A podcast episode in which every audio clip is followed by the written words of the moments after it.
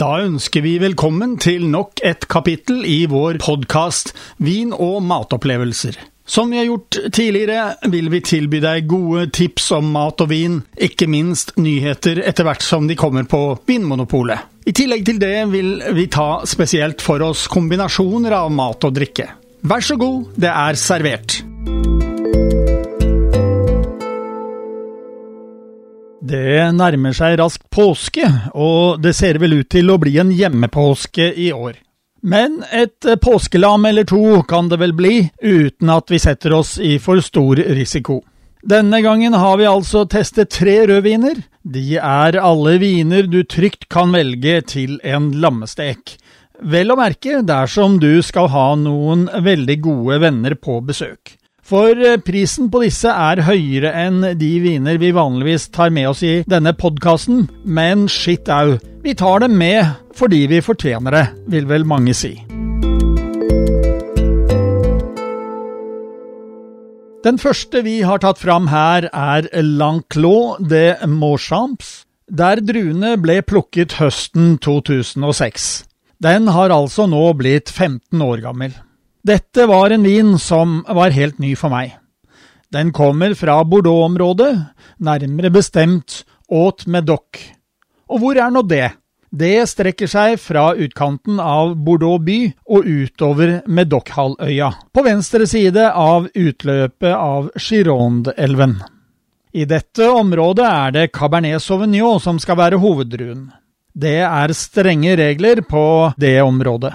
Det var derfor med undring vi oppdaget at det var hele 70% Merlot i denne vinen, og bare 30% Cabernet Sauvignon. Denne vinen var jeg spent på, ikke minst fordi den er i Bordeaux-sammenheng en rimelig vin.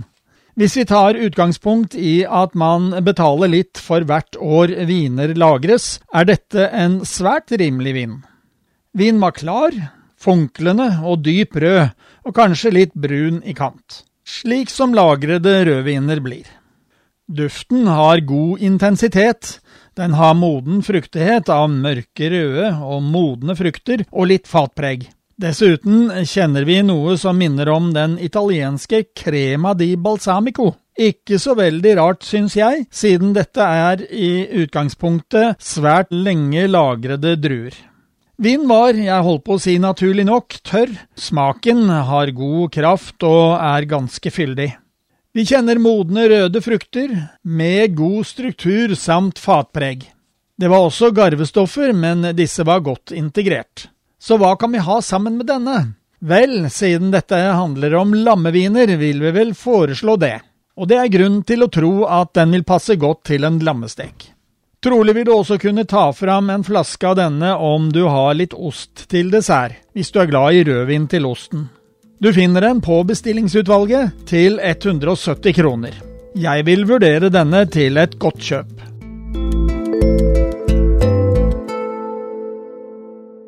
Den neste vinen vi har foran oss, er en Marques de Riscal Reserva, som er fra 2016.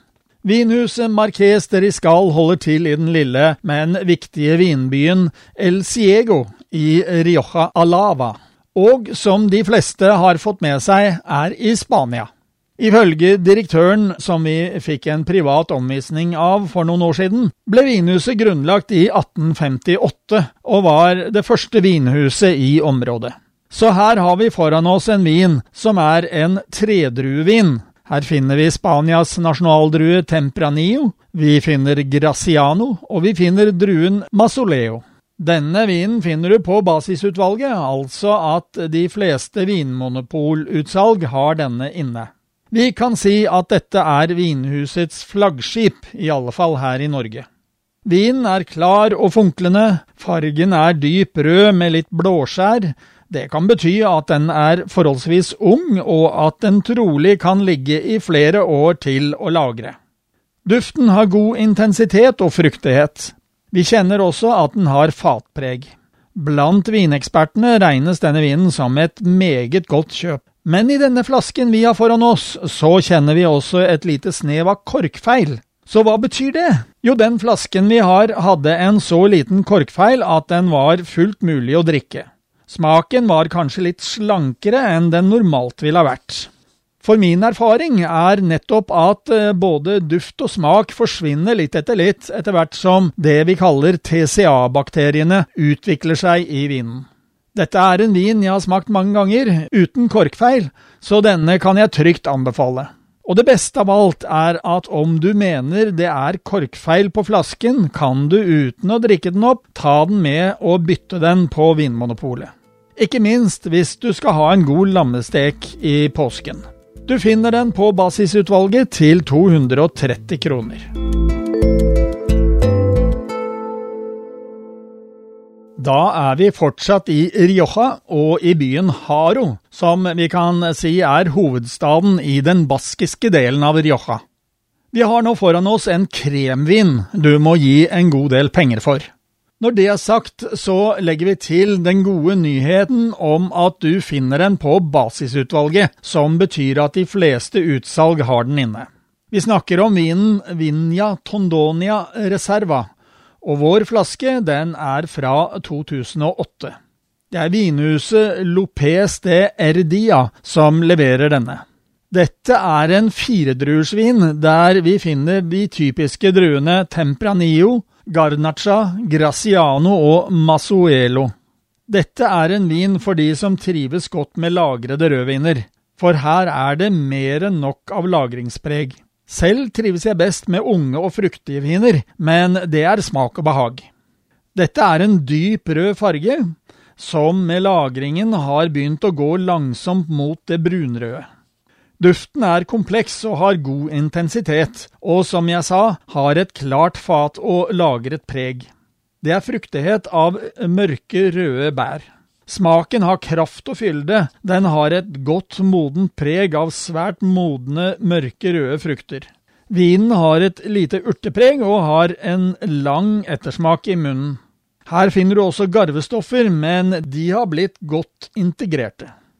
Dette er en vin for de store middager med både storvilt, biffmiddager og selvsagt en god lammemiddag med mye smak.